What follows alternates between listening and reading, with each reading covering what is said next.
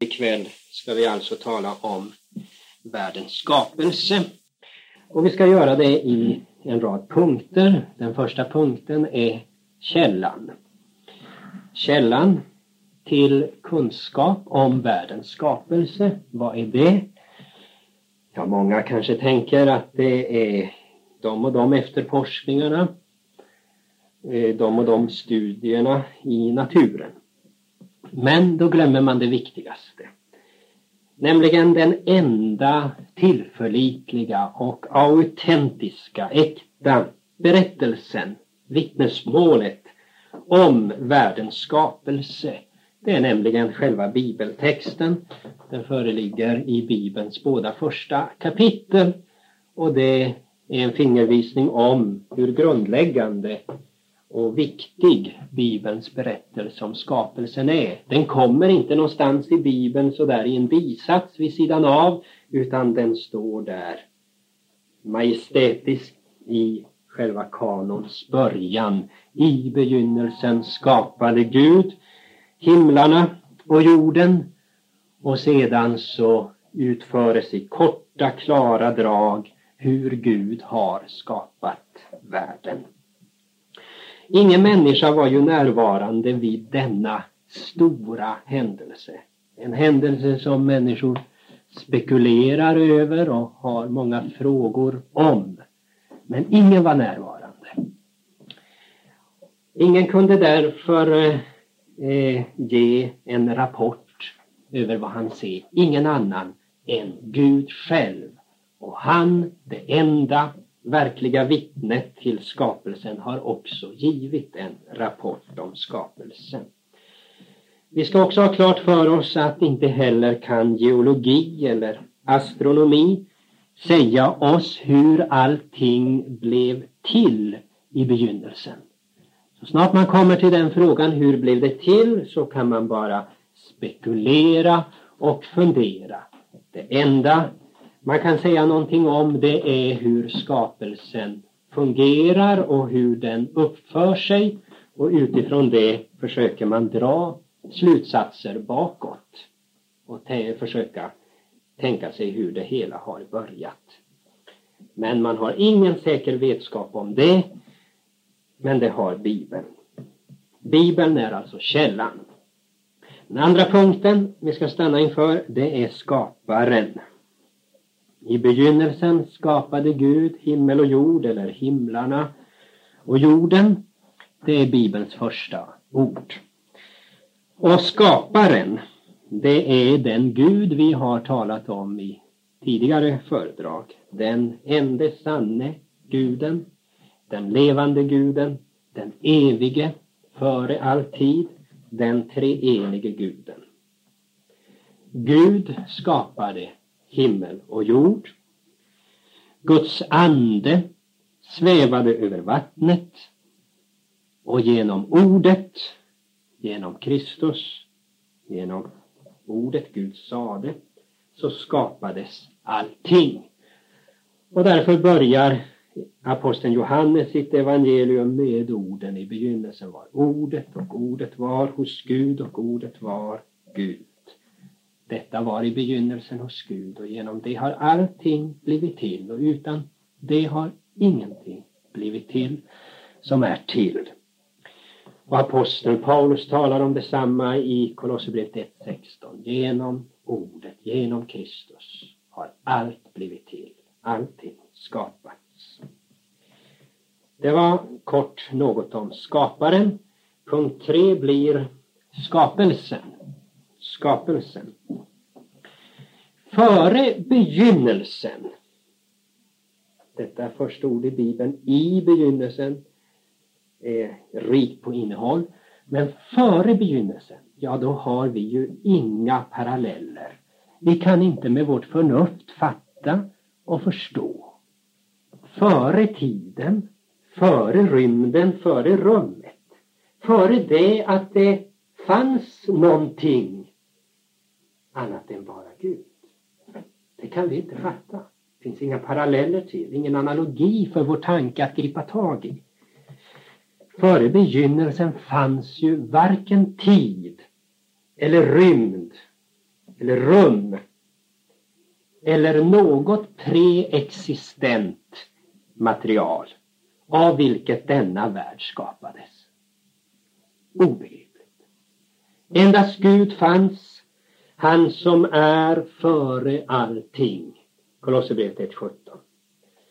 Förrän bergen blev till och du frambrakte jorden och världen, ja, från evighet till evighet är du, och Gud. Psaltaren 92. Gud skapade alltså inte världen av någonting som fanns där redan. Han skapar inte världen heller av sitt eget väsen. Så att det skapade skulle vara en del av Gud själv, av Guds väsen. Den uppfattningen, som är obiblisk, den kallas för panteism. Panteism. Gud skapade världen av intet. Och det är detta som ligger i det bibliska skapelsebegreppet som vi har så svårt att hålla fast vid och fatta eftersom så snart vi tänker på skapa så är det frågan om att komponera, omforma, konstruera av någonting som redan finns. Vi talar om att han är en fantastisk skapare. Vi kan tala om en arkitekt, vilken skapare han är, eller en konstnär eller kompositör eller. Men när det gäller den bibliska skapelsen och Gud så som skapare så är det helt unikt. Och det är också ett unikt verb på hebreiska som används, det hebreiska ordet bara som, eh, jag kan skriva det här, det verbet kan aldrig användas om en människas aktivitet. Hur duktig den människan än är så kan hon aldrig göra det som det bibliska verbet skapa innebär. Det kan aldrig vara en människa som är subjekt till detta verb. Det är alltså det verbet som står i Bibelns första vers. I begynnelsen skapade Gud himlarna och jorden. Det fanns alltså ingen materia av något slag som Gud formade universum av, gjorde en fantastisk skapelsebyggnad av. Utan hans skapelse övergår allt vad vi kan tänka. En skapelse från intet. Allt som nu finns till, det kallade Gud att bli till genom sitt blotta ord. Vet ni någon som kan skapa på det sättet? Vet ni någon konstnär, någon kompositör, någon arkitekt, någon byggmästare? Nej, han måste arbeta hårt med olika förefintliga ting. Men Gud, han sade och det blev. Han befallde och det stod där. Och då förstår ni hur fel man kommer när man tänker i mänskliga kategorier att när någonting skapas så måste det ju ha en utveckling. Det måste ju först börja i det lilla och sen bygger man lite mer och lite mer och lite mer. Men här är det någonting alldeles unikt. Han befallde och det stod där. Samma otroliga makt såg vi, eller ser vi i evangelierna när Guds son Kristus befaller och det står där när han gör till exempel sex stora jättekrukor med vanligt vatten till vin. Med en gång, han befaller och det står där. Det är så att han först måste lagra det och ha det en längre tid för att det ska utvecklas fram till den produkten. Eller när Gud genom under i Gamla testamentets tid låter Arons stav blomma inte bara blomma utan ha också mogna mandlar. Då tänker vi, ja men innan det kan bli en mogen mandel måste det vara en omogen mandel. Och innan det är en omogen mandel måste det vara en blomma. Och innan det är en blomma måste det vara en befruktning. Och innan det är en befruktning så måste det åtminstone vara ett mandelträd. Och det får inte vara torrt. Det måste finnas sav och näring. Och solljus.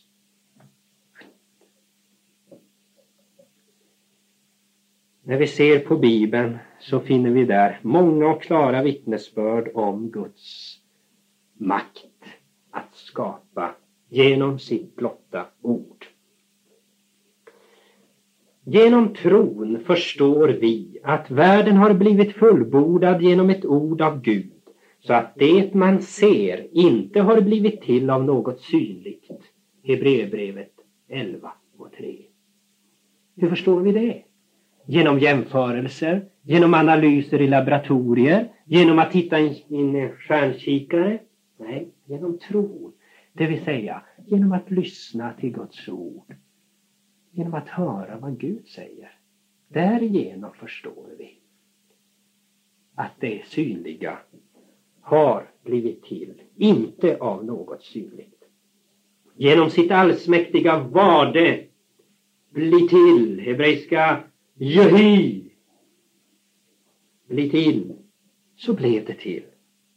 Så kallade Gud allt till att bli till. Himmelen är gjord genom Herrens ord och all dess här genom hans muns anda. Lägg märke till Bibelns uttryck Herrens ord, hans muns anda. Det säger oss lite grann också om den heliga skrift såsom ingiven av Gud. Den är utgången ur Guds mun, teopnestos, utandad av Gud.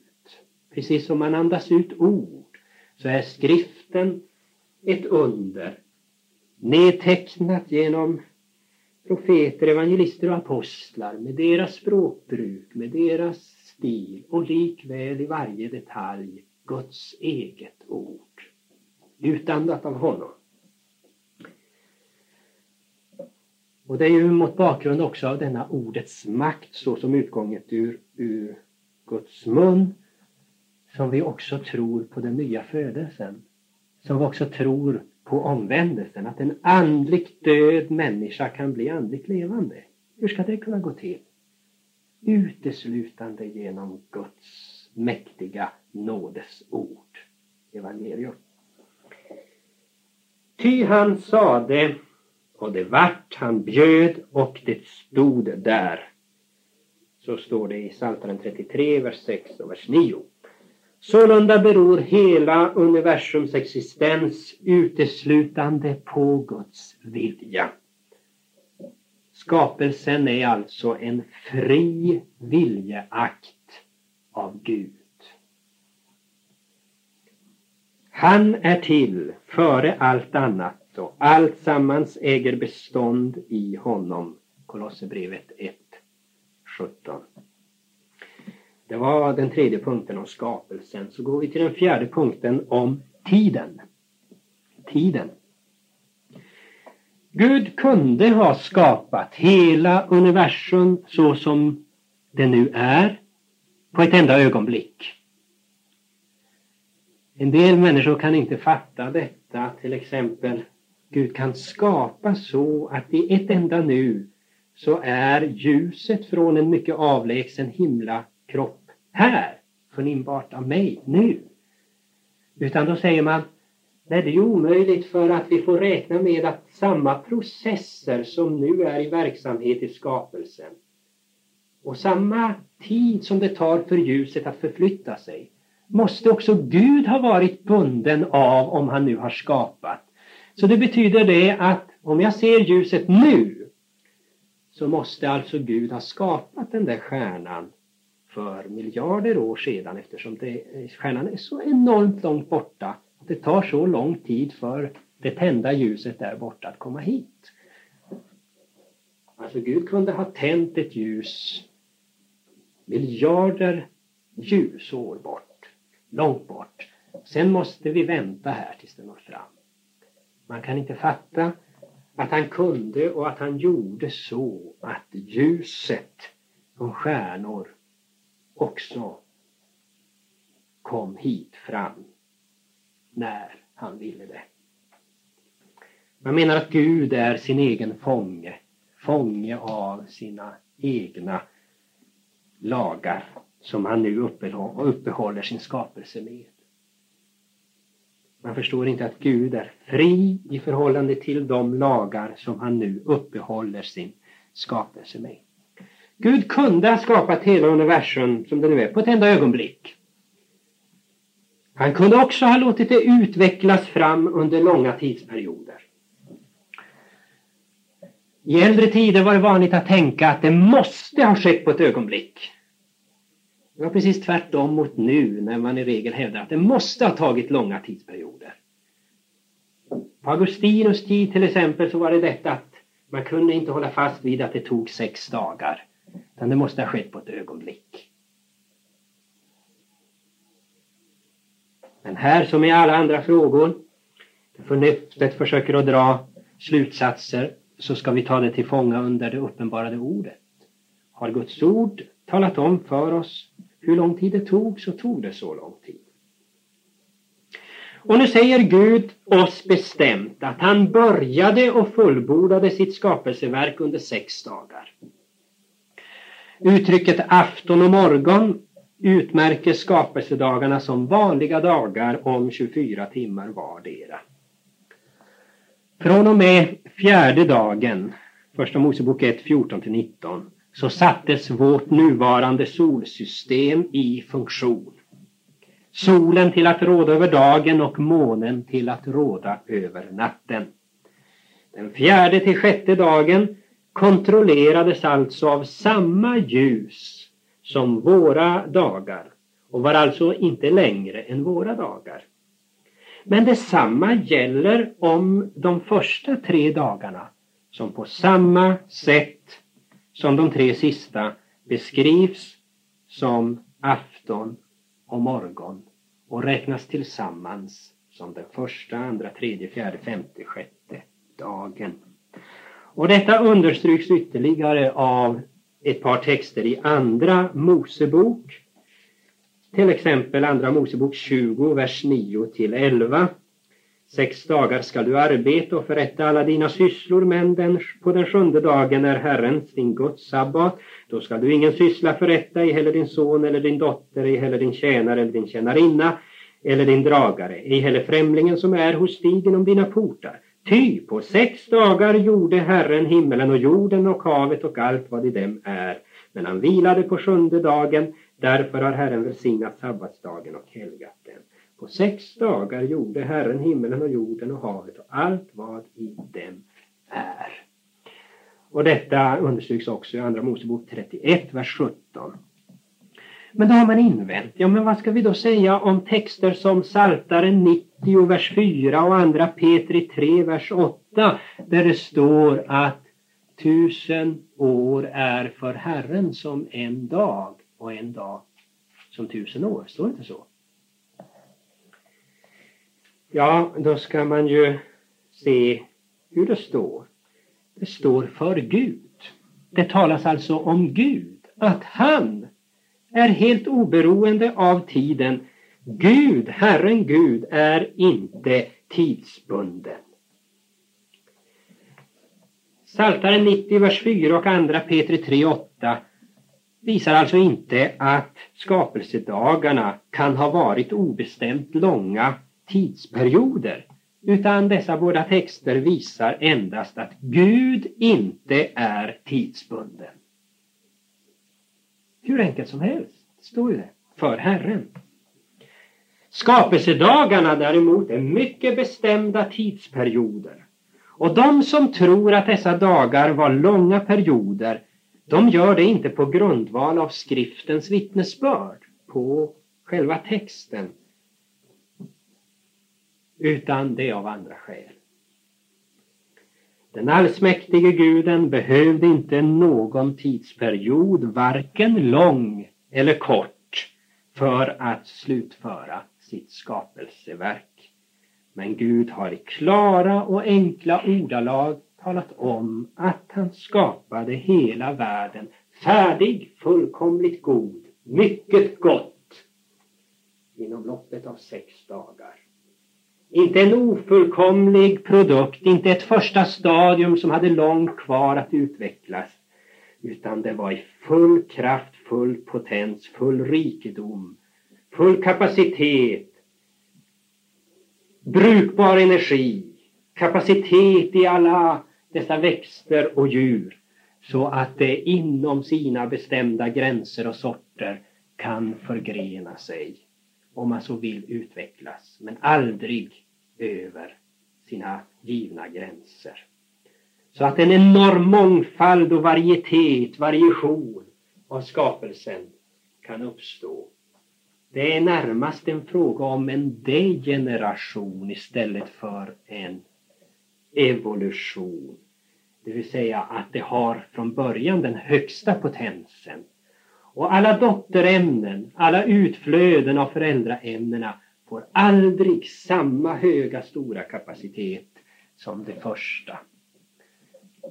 Men detta ska vi denna gång inte gå närmare in på. Det är spännande i sig att polemisera mot utvecklingsteorier men det hinner vi inte göra denna gång. Vi ska istället gå till den femte punkten.